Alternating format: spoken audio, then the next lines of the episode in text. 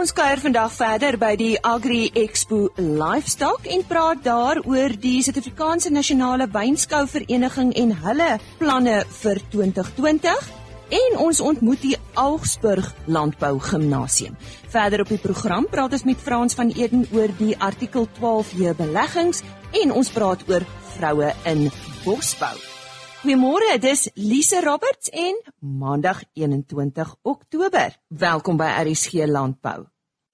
Ons het onlangs met Frans van Eden gesels oor artikel 12J beleggings en hoe jy jou boerdery gereed kan maak om hiervan gebruik te maak om die volgende groeifase te ontsluit. Nou daar was 'n paar nuwe verwikkelinge op hierdie front. En ons gesels nou juis weer met Frans hieroor. Frans, ons het voorheen nou al met jou gesels oor artikel 12 jou belegging soos ek gesê het, maar miskien moet jy vir ons luisteraars net weer herinner wat dit is, wat is die punt of doel van hierdie tipe beleggings? Goeiemôre. Hallo Lisa, ja. So, uh, okay, artikel 12 hier. Dit verwys spesifiek na die inkomstebelastingwet en die artikel se doelwit is om fondse te genereer vir wel van die privaat en besigheidssektor af wat gebruik kan word om te belê in entrepreneurs om nuwe besighede te begin of om bestaande besighede te groei. Was daar enige veranderinge rondom die bepalinge van artikel 12 jou beleggings sedert ons laas gesels het? Ja, daar was. Ehm um, wat ons moet onthou artikel 12 hier is 'n redelike nuwe bepaling in die inkomstebelastingwet. So daar was op 'n stadium 'n uh, beperking gewees op hoeveel 'n persoon kan bydra. Nou 'n paar jaar gelede was daai beperking dan nou opgeskort en toe het baie besighede en baie mense al hulle surplusfondse dan nou in hierdie artikel 12 beleggings belê. Want natuurlik, wat jy moet onthou is enige belegging deur 'n uh, 'n uh, waagkapitaalmaatskappy wat vir artikel 12 geregistreer is, is natuurlik 100% aftrekbaar van jou inkomstebelasting in die jaar wat jy die belegging maak toe kom hulle agter wel baie mense doen dit nou weer. So hulle het nou agtergekom dat daar's nou weer 'n impak daarop op die die die fiskus. So daar's minder belastinggeld elke jaar aankom. Nou het hulle weer 'n beperking wat hulle graag weer wil insit. Nou die beperking is 2.5 miljoen rand per jaar per entiteit. Dis nou per individu per um, geregistreerde maatskappy truste ensovoorts Frans, onder watter omstandighede kan 'n persoon kwalifiseer vir 'n belegging van 'n waagkapitaalmaatskappy? So, as jy 'n bestaande besigheid het en jou omset is natuurlik onder wat 20 miljoen, dan kan jy kwalifiseer om 'n belegging te kry by 'n waagkapitaalmaatskappy. En dit beteken jy kan daai geld gebruik om jou besigheid te groei na 'n volgende fase toe. Dalk wil jy 'n nuwe aanleg bou, dalk wil jy nuwe toerusting koop of dalk wil jy net genoeg geld hê om te kan bemark. Dit alles is moontlik as jy ehm um, voldoen aan die kriteria. Dis ook vir nuwe besighede, die start-ups soos wat hulle dit noem, maar daar is 'n paar beroepe wat uitgesluit is daarvan en die rede hoekom ek sê beroepe is want dit is alles professionele ehm um, rigtings wat jy volg in jou lewe. So rekenmeesters kan byvoorbeeld nie kwalifiseer nie, versekeringsmaatskappye kan nie kwalifiseer nie, prokureurs kan nie kwalifiseer nie. Enigiets wat professioneel van aard is, kwalifiseer nie vir artikel 12J beleggings nie. Maar as jy kwalifiseer, dan moet jy 'n paar goed in plek kry natuurlik om te sorg dat jy daai beleggers kan lok. Jy moet jou besigheid aanloklik maak. Nou goed, jy het nou oor die individu gesels, maar hoe kan hierdie tipe belegging help om die ekonomie te groei? So, as jy kyk en Psycho het onlangs al navorsing daarop gedoen, en hulle het gekyk wat is van die grootste struikelblokke vir besighede in Suid-Afrika. Dis nou of om te groei of om 'n besigheid te begin. En so hulle kyk na barriers of entry as ek dit kan stel in Engels.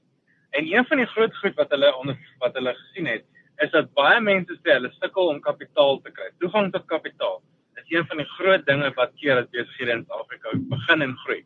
Veral na die volgende fase toe, want jy het geld nodig om te skaal en jy het geld nodig om sekere industrieë um, toe te tree. Nou, dis die doelwit van 12J en as jy 'n 12J belegging kry, dan kan jy natuurlik dit gebruik om jou besigheid te skaal en te groei. Nou, die doel van alles is om op die einde van die dag om werk te skep in Suid-Afrika.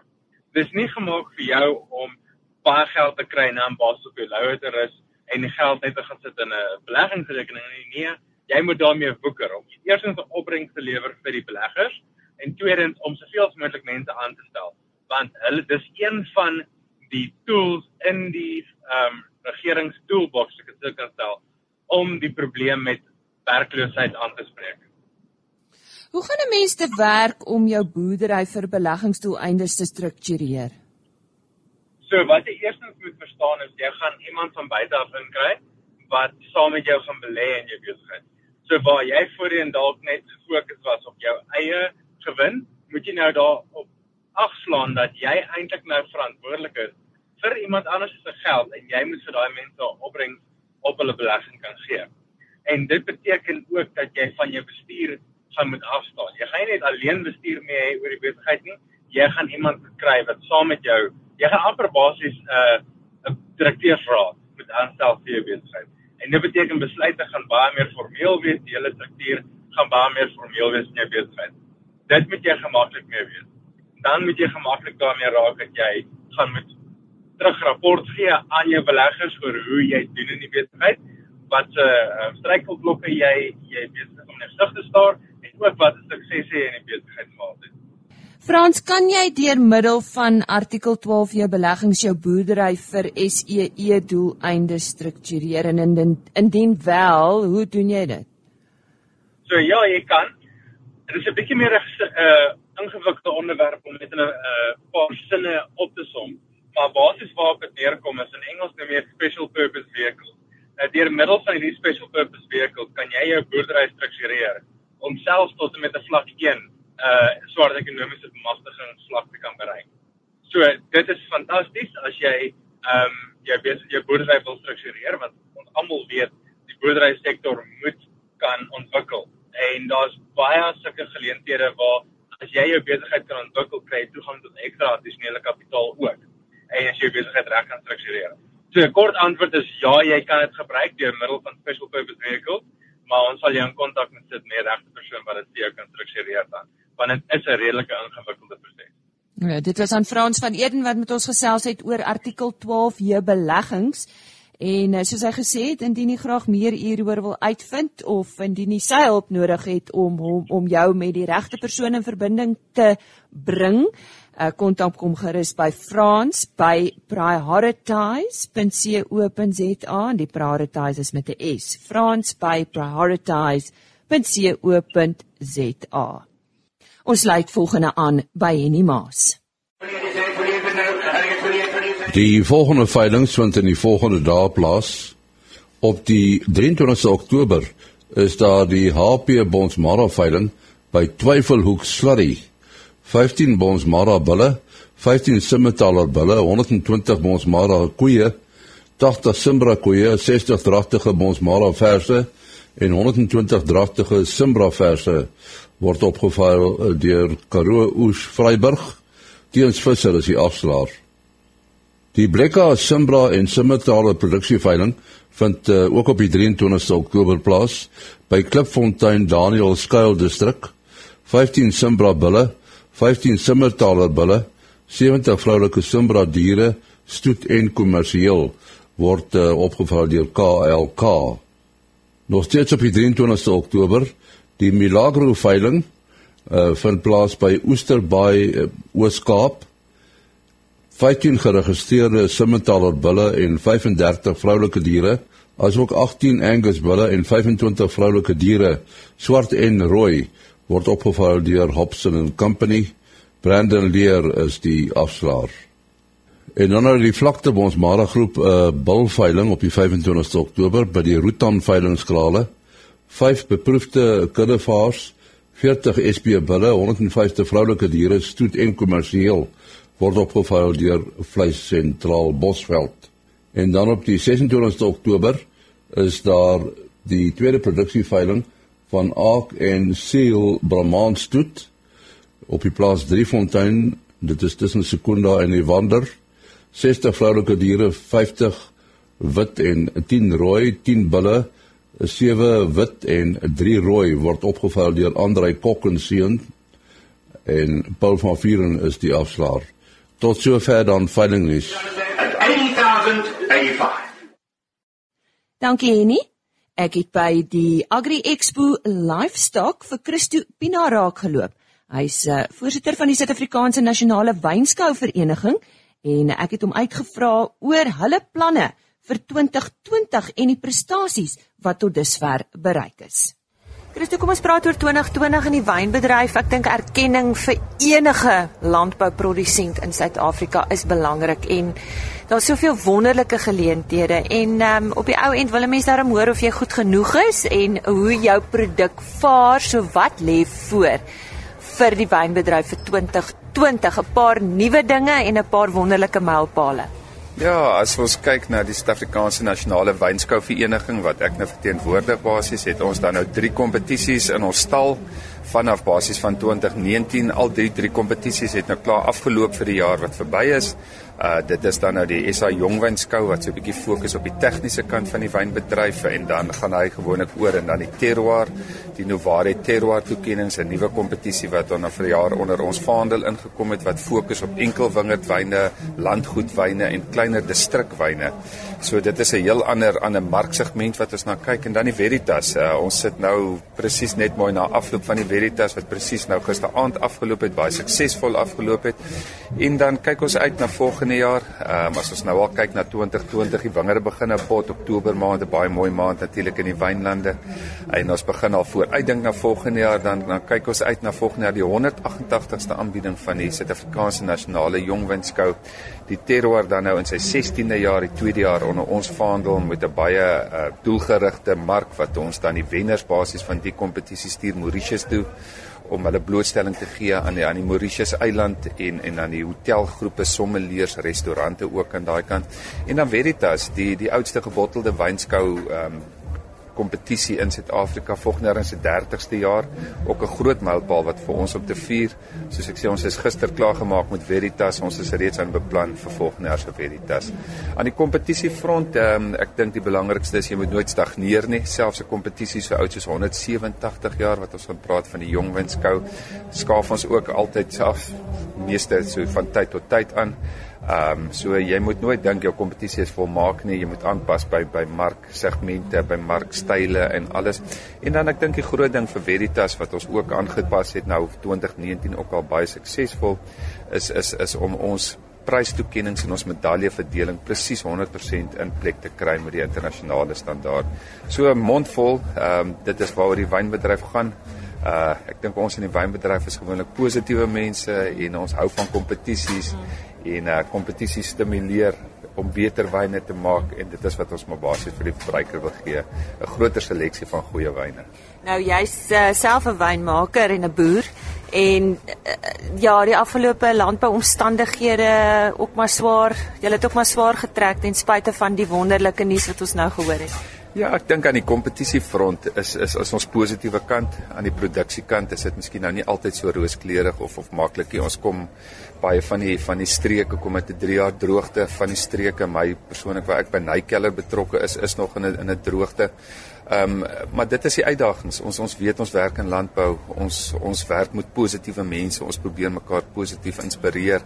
So dit is maar die uitdagings in landbou. Ek dink uh, soos wat ons 'n kragkrisis gehad het in in die land, 'n nasionale kragkrisis is ons daardeur en die waterkrisis is net 'n krisis nou op ons horison en ons moet maar net daardeur kom. Ek dink aan die produksiekant van wynmakers en wingerdboere se kant af.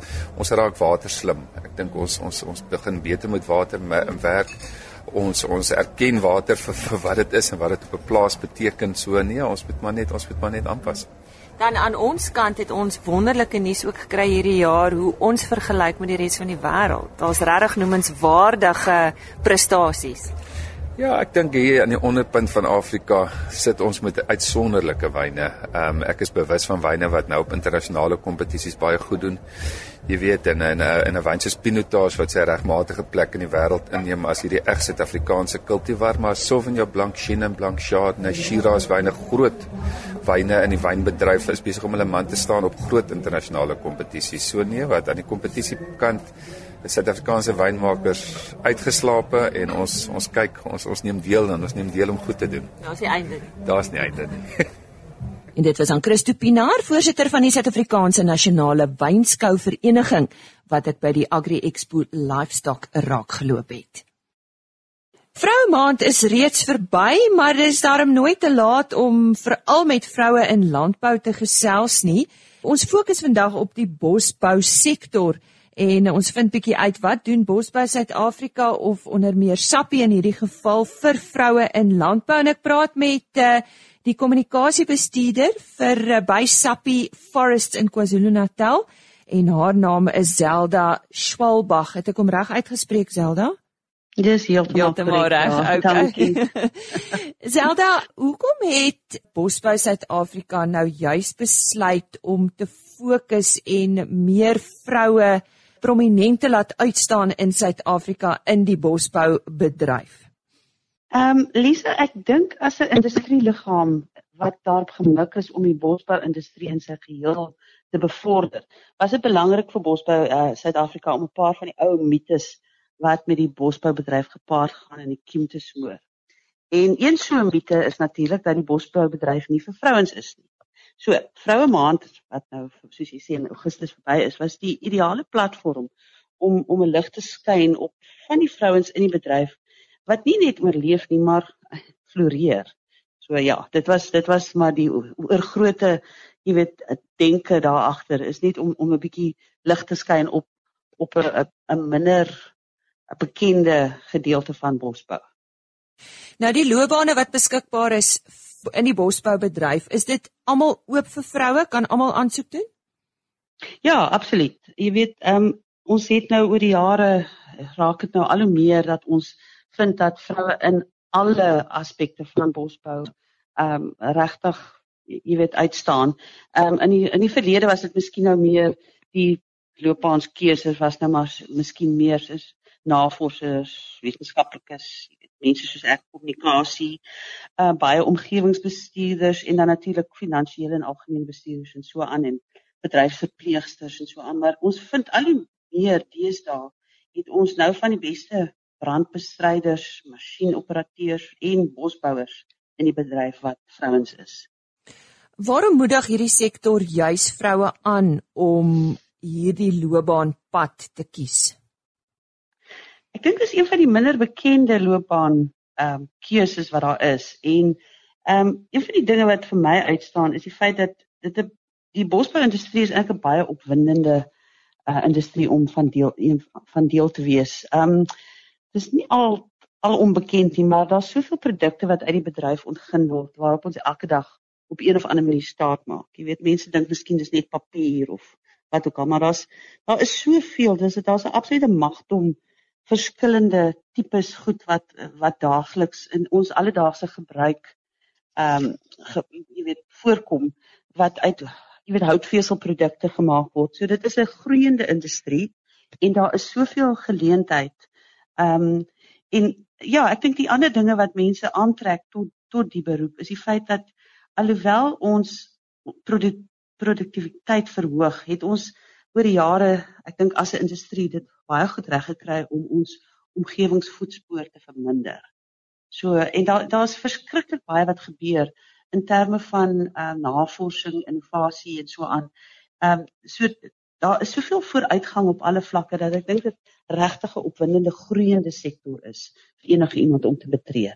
So vertel 'n bietjie vir ons wat jy doen. Wat is jou rol?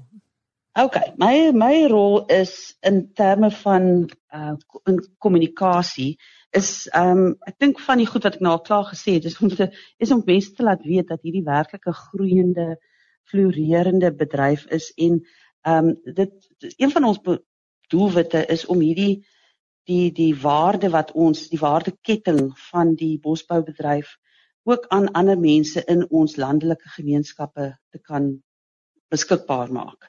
So dit is een van die goed wat ons probeer doen. Ehm um, so ons beoog om jy weet ons wil vennote hê in ons plaaslike gemeenskappe. Ehm um, en daar da, dit is ook natuurlik omdat dit 'n landelike ehm um, industrie is, is dit ook so dat daar baie sosiale daar's daar is sosiale uh, uitdagings en ons werk dan saam nou saam in my uh, spesifieke uh kommunikasie rol werk ons om dan ons belanghebbendes betrokke te hou om ons risiko uh, te bestuur, om krisisse te bestuur en dan natuurlik ook om ons as 'n maatskappy ons reputasie as 'n groot maatskappy te bevorder. So ons kyk na ons mediaverhoudings, ons betrokkenheid en programme wat ons sosiale waar ons 'n sosiale impak het op ons buurgemeenskappe sodat jy weet dis alles belangrike deel eh, aspekte van die rol. So dis is vanuit 'n kommunikasie oogpunt is dit 'n baie komplekse omgewing. Ehm um, want ons het 'n baie wye gehoor van belanghebbendes en dit is versprei oor 'n breë spektrum wat en hulle verskil aansienlik in kulturele, opvoedkundige, sosiale omstandighede. Ehm um, so dit is en ook dikwels in baie afgeleë geografiese gebiede. So dit is baie opwindend maar ook ook uitdagend. Nou, hoekom het jy persoonlik so passief vir die bosboubedryf? Ek dink die ding wat vir my, jy weet, ek is nou al lankal in die kommunikasie uh, bedryf as sulks of as jy weet as 'n loopbaan. Ehm um, en een van die goed wat vir my regtig uitstaan is die feit dat ons werk met 'n hernubare hulpbron en om daagliks te kan 'n oorvloed van noodsaaklike produkte uit hierdie hernubare hulpbron te kan vervaardig in 'n tyd wanneer alles anders plastiek is of op een of ander manier skade aan die planeet berokken, is dit nogal inspirerend. Dis so die die bosboubedryf omdat soos ek sê omdat daar soveel daar's soveel geleentheid en daar's soveel innovasie en daar's soveel in die in die houtvesel ehm um, waardeketting is daar soveel nuwe idees en jy weet ons wetenskaplikes werk daagliks aan aan nuwe aan nuwe goed wat ontstaan uit uit hierdie wonderlike vesel, houtvesel. Ehm um, daar's baie wanopvattinge wat verband hou met bosbou en natuurlik is een van die mees gewildes dat ons die bome moet red en minder papier gebruik. Nou ja. Uit uit die aard van die saak vir ons dit nou nie aanmoedig nie. So dit is ehm um, dit is uitdagend. So ja, van 'n persoonlike oogpunt is dit die is dit die feit dat ons met hierdie wonderlike ehm um, hulpbron, natuurlike hulpbron ehm um, te doen het. Die feit dat dit soveel geleentheid bied aan soveel mense in die waardeketting in ons landelike landelike omgewing en dan ek dink van 'n persoonlike oogpunt is die feit dat dit dit is nogal uitdagend. So ja. Nou Zelda sê vir my jy het nou soveel wonderlike geleenthede genoem en jy het heeltyd gepraat van mm. geleenthede. So as iemand nou belangstel om hierdie geleenthede te ondersoek en dalk oorweeg om uh, hierdie 'n loopbaan geleentheid te maak, hoe kan hulle meer uitvind oor wat in die bosboubedryf beskikbaar is? Ek dink een van die beste plekke om te begin is daar is 'n webwerf met die naam Forestry Explained. Ehm um, dit is word in samewerking met ehm um, FSA of Bosbou Suid-Afrika ehm um, bestuur en dit is by www.forestryexplained.co.za en daar is daar baie inligting oor verskillende jy weet die verskillende loopbane ehm um, en ook sommer net oor die bosboubedryf in die algemeen wat ek dink mense baie belangrik baie interessant sal vind. Jy sê dis www.forestryexplained.co.za ja. as ek reg. Dis korrek. Nou ja, daar het u dit as u meer wil gaan uitvind oor die geleenthede in die Suid-Afrikaanse bosboubedryf en ek het daar gesels met uh, Zelda Schwalbach en sy is die kommunikasiebestuurder by Sappi Forest in KwaZulu-Natal. En nog 'n paar passievolle jong mense wat ek tydens die Agri Expo Livestock ontmoet het, is die leerdlinge van Augsburg Landbou Gimnasium. Ek het 'n bietjie meer oor hierdie skool gaan uitvind oor um, hulle veeplaas skole kudde projek en wat hulle vir leerdlinge bied. Ek het met Konay Gryiling en Dian Kloo gesels. Ons is in die hartjie van die Cederberg in 'n klein dorpie genaamd Klein Willem. Um, ons het min of meer 500 kinders in die skool. Ek sê ons is dit nou so 517 is, vra ek wel 'n verskoning. Maar ons is 'n hoër en 'n laerskool, so 200 kinders in die laerskool en so 300 in die hoërskool min of meer. Ons het drie koshuise, 'n gemengde laerskool koshuis, 'n hoërskool meisieskoshuis en 'n hoërskool seuns koshuis. Want ons het leerders wat reg oor die land na ons kom, van die Suid-Kaap tot Namibië het ons kinders wat in Augsburg is. So dit is altyd nogal cool. Nou, mense dink altyd jy moet 'n boer wil word wanneer jy in 'n landbouskool is. Dit is nie waar nie. By Augsburg, omdat ons 'n akademiese landbou fokusskool is, kan jy by ons in vier rigtings inslaan. In die eerste plek is dit 'n handelsrigting met vakke soos rekenkunde en besigheidstudies, 'n wetenskaprigting met vakke soos fisiese wetenskap en lewenswetenskap, en dan ook 'n landbourigting met die drie landbouvakke, landboubestuur, landbouwetenskap en landboutegnologie.